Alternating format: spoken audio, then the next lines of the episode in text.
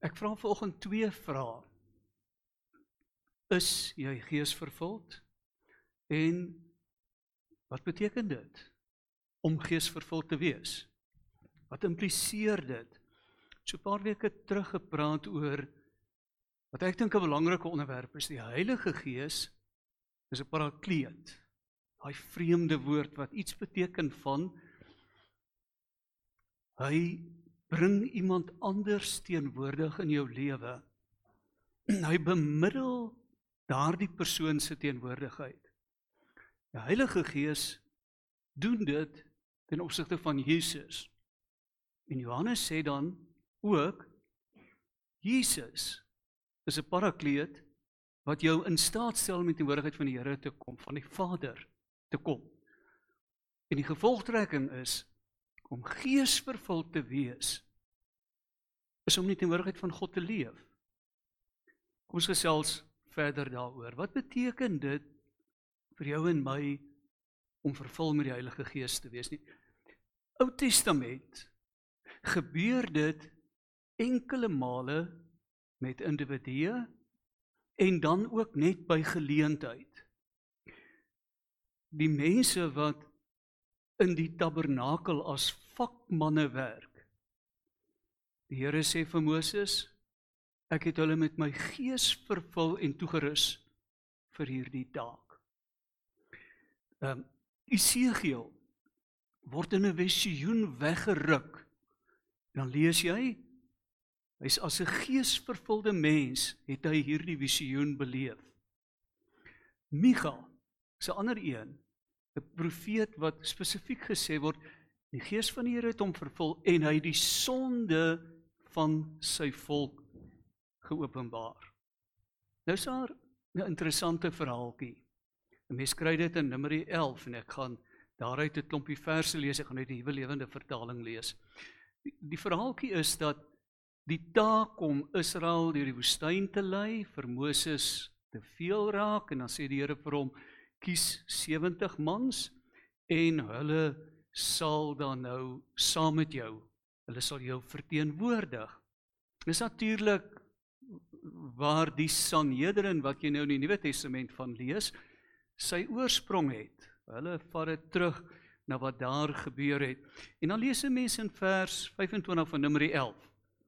Die Here het uit 'n wolk afgekom het met Moses gepraat. Hy het sy gees wat in Moses was ook oor die 70 mans laat kom. En luister dan nou hierdie interessante. Toe die Gees oor hulle gekom het, het hulle begin profeteer. Dit het net hierdie een keer. Aan die woorde, Gees kom oor hulle. Wat is die teken daarvan? Hulle profeteer. Wat beteken dit om te profeteer? Beteken dit gewoon om woorde uit die hart van God uit te spreek. Die Heilige Gees openbaar God se woorde vir hierdie situasie aan jou. En nou gebeur daar iets interessants. Twee manne het nou nie opgedaag nie. Hulle was bietjie laat vir die afspraak. En hulle is nog in die kamp. Die Gees van die Here kom oor hulle Hulle begin profeteer. Mens lees so in vers 27. 'n Jong seun het gehardloop en vir Moses kom sê: "Eldad en Medad is besig om die kamp te profeteer." Josua, vers 28, die seun van Nun, was van jongs af Moses se assistent. Hy het vir Moses gesê: "Meneer, moet hulle stop." Moses het hom geantwoord: "Is jy terwille van my jaloers op hulle? Het die Here tog maar van die hele volk profete gemaak. Het sy gees maar oor almal gekom. 'n Versigtiging gegee die feit dat hy sy hande afgesukkel het met daai spul Jode om hulle deur die woestyn uiteindelik na 40 jaar te kry. Mag die gees van die Here hulle vervul. En hierdie ek wil dit noem 'n 'n profetiese versigtiging gebeur in die Nuwe Testament. En dis nou die interessante, want skielik verander die hele prentjie. 'n mens lees die eerste daarvan Johannes die Doper, dis nou die een wat as profeet moet kom aankondig koninkryk van God kom. God gaan hom aan mense openbaar. Hy gaan nie tussen hulle wees en hy gaan oor hulle lewe regeer Jesus se koms, nê. Nee. Johannes die Doper is vervul met die Heilige Gees van sy geboorte af. En dis geen wonder nie as hy dan gebore word, dan kom die Gees van die Here oor sy pa, oor Sagaria. En Sagaria profeteer oor sy seun. Die volgende lees jy en dis van Jesus. Lukas 4 vers 14. Hierna het Jesus gevul met die krag van die Heilige Gees na Galilea teruggegaan. So hier van die tempel af, nê. Nee. Vervul met die Heilige Gees. Res van sy lewe want dis waar sy bediening begin. Die res van sy lewe staan in die teken van die krag van die Heilige Gees. As hy siek mense raakloop, word hulle gesond. As hy stukkende mense kry, word hulle heel. Hopelose mense, hooplose mense dan het hulle nuwe hoop as hulle in kontak met hom was en hy profeteer, hy verkondig God se hart vir mense. Jy lees sin Handelinge. Handelinge 2 vers 4. Klomp mense, die disippels, 120 van hulle is in die bokkamer bymekaar vertrek in die huis wat groot genoeg is waar die familie kan wees. Ons sou seker nou maar sê dis die woonvertrek die TV-kamer en hulle is daar by mekaar en hulle bid almal is toe met die heilige almal is toe met die Heilige Gees vervul. En soos die Gees vir hulle die vermoë gegee het, het hulle in ander tale begin praat. Nou ek wil graag oor die onderwerp van tale praat by 'n ander geleentheid ietsie sê. Almal Die hele gemeente word met die Heilige Gees vervul. sien jy die verskil met wat die patrone in die, in die Ou Testament was? Nou lees 'n mens nou waar enkele van die leiers van die disippels onder ons sien met die Joodse raad met daardie Sanhedrin het en in Handelinge Hulle word nou geslaan, dan word vir hulle gesê julle moet julle monde hou. Ons gaan vir julle voeter tot julle ophou praat oor hierdie Jesus, want julle werp skuld op ons. Hulle gaan terug en hulle sê vir die gemeente, hoe bly is hulle dat hulle kon ly vir Jesus. Kan jy dit glo? Ons is bly. Ons kon vir die Here ly. Handelinge 4 vers 31 na hierdie gebed het die gebou waar hulle bymekaar was geskud en hulle is almal met die Heilige Gees vervul en hulle het begin om God se boodskap onverskrokke te verkondig. Hulle profeteer met alles in hulle want hulle is vervul met die Heilige Gees. Dan lees jy mense in Handelinge 7 verhaal van Stefanus 'n getuie wat ja, onverskrokke oral getuig oor Jesus en hy word vir die Joodse raad vir die Sanhedrin gesleep.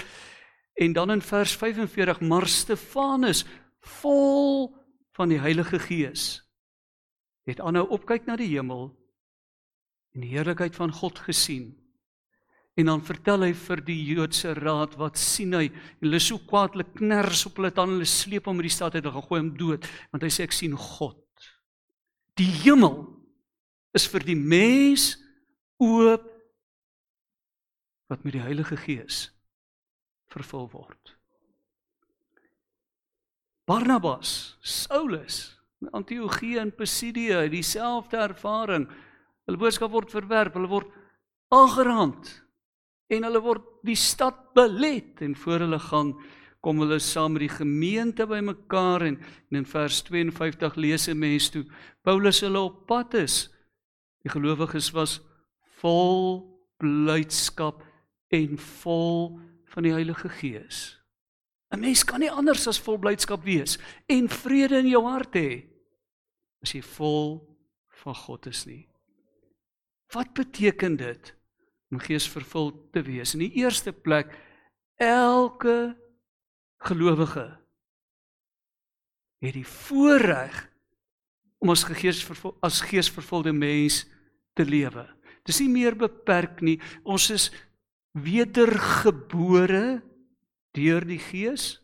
Nou gaan ek weer herhaal. Ek gaan by 'n volgende geleentheid praat oor waar pas tale in hierdie hele proses in.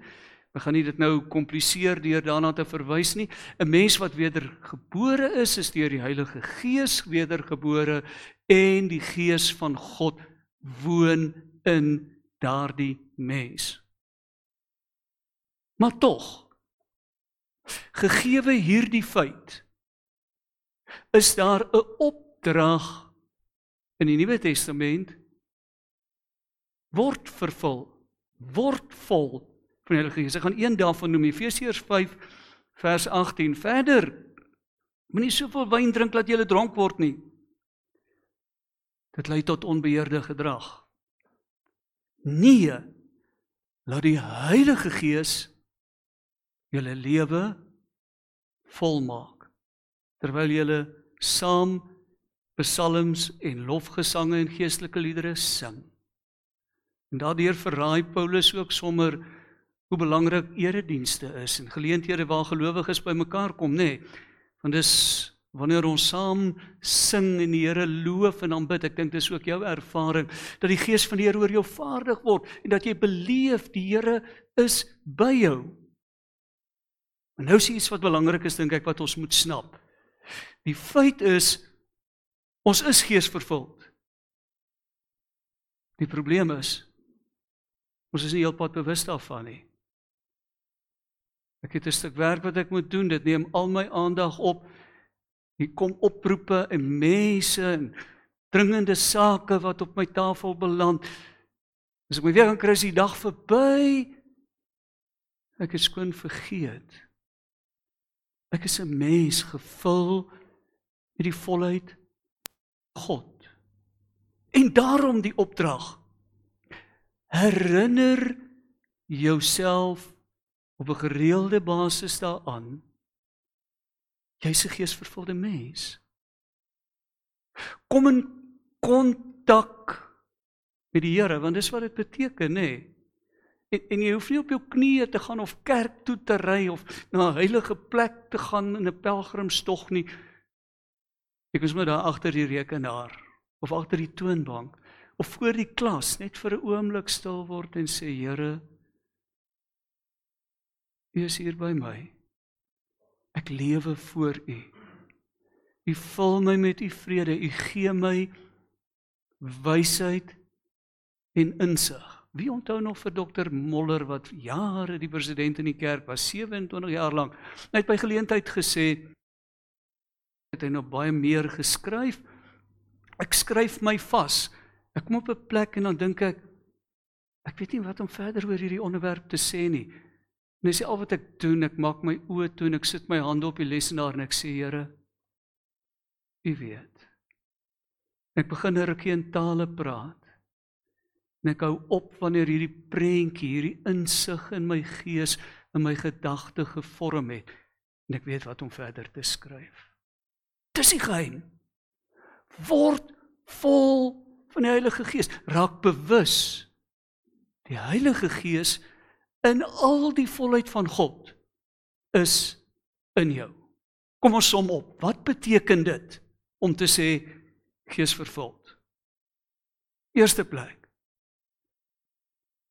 God is met jou. Weet jy, dis dink ek die mees revolusionêre woorde wat 'n mens in hierdie wêreld kan hoor. God is by jou. Jy leef voor hom. En hy's met jou met die doel om in jou te werk en deur jou te werk. Het jy die patroon gevolg van die eerste af tot by Johannes tot by Jesus tot by die disippels? Hulle het nie die Heilige Gees gekry sodat God at their beck and call is soos die Engelsman sê. Daar is dat hy net kan 'n noodwiel kom kom kom Here kom gryp in kom help vir my nie. Hy's daar sodat hy kan sê hierdie mens met wie jy skouers skuur. Ek kan sien jy is lus om met jou vuis in sy gesig te eindig.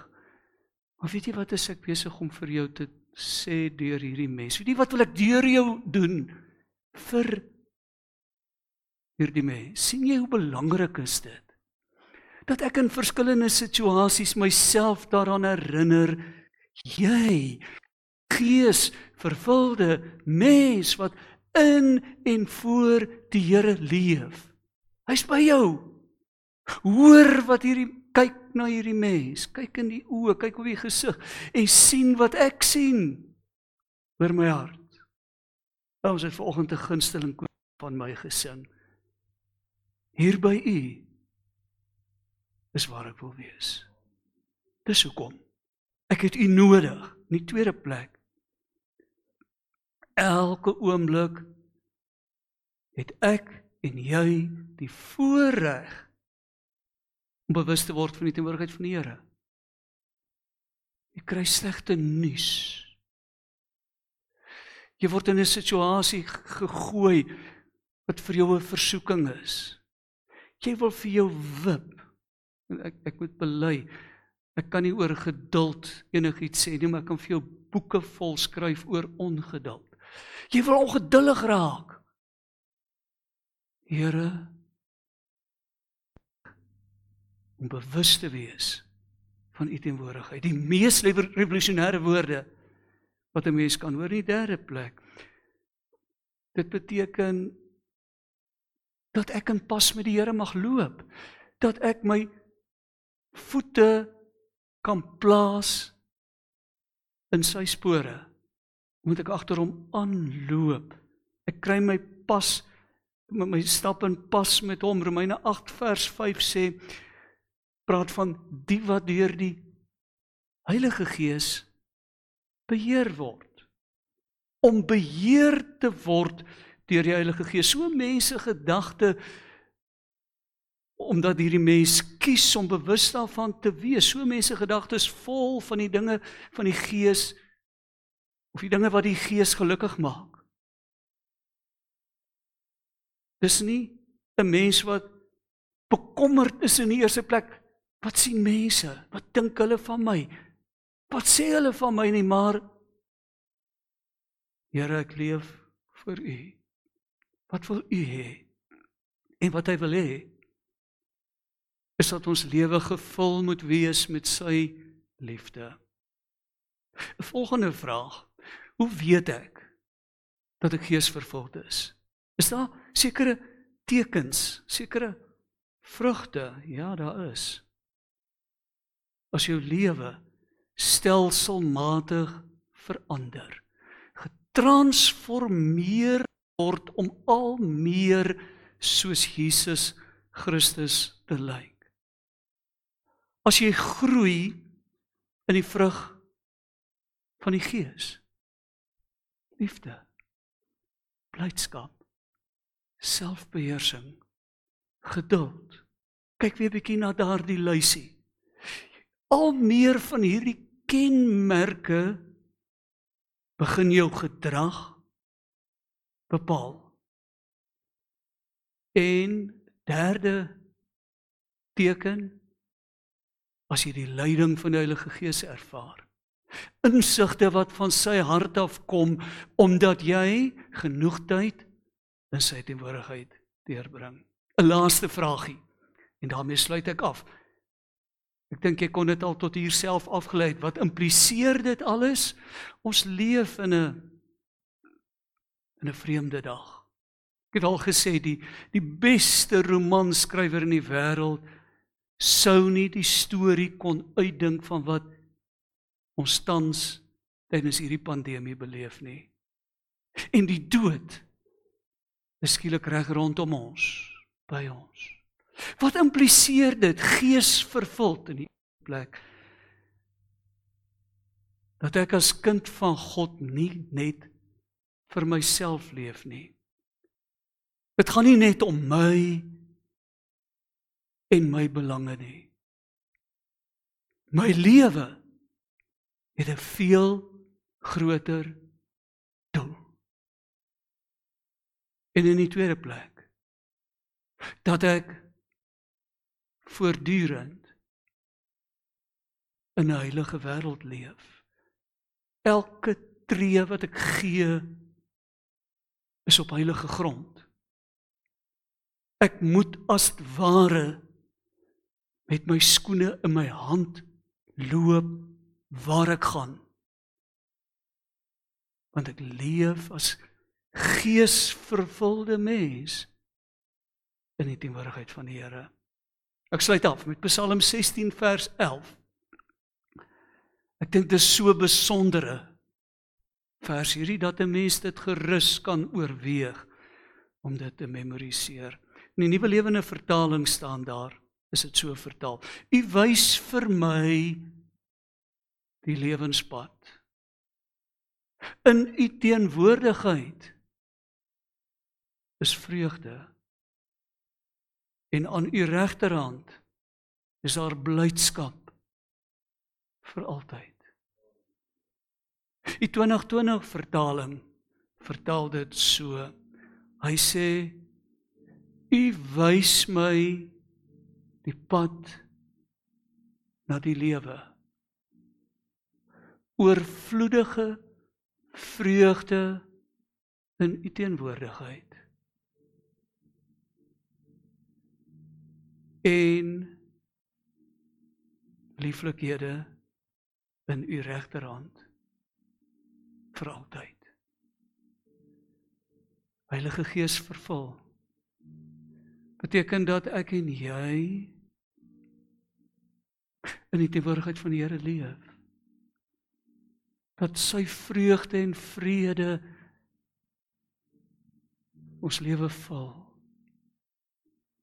En dat ek hier loop met die gebed. Here, gebruik my gebruik my. Hemelse Vader. As ons dink aan wie U is, Skepper van die heelal. As ons daaraan dink dat ons nie eens U hande werk kan deurgrond nie. Die grootheid van die skepping. Die brein van die mens. Hoe kan ons ooit daaraan dink om u te verstaan? Hoe kan ons ooit daaraan dink om in die teenwoordigheid te kom? 'n Klein ou skepseltjie die werk van u hande. En ons het die voorreg om vervul met u, met u gees te wees. Ons het die voorreg want dis wat dit beteken om oomblik vir oomblik te leef waar U is. Heilige Gees, maak ons asseblief baie gereeld bewus daarvan. Ek is 'n geesvervulde mens. Terwyl krisisse en rampe rondom ons mense sprakeloos laat dat ons sal leef vanuit 'n ander werklikheid. Nie wat die SAIK vir ons sê nie. Maar wat die Heilige Gees vir ons sê. God is met ons. Amen.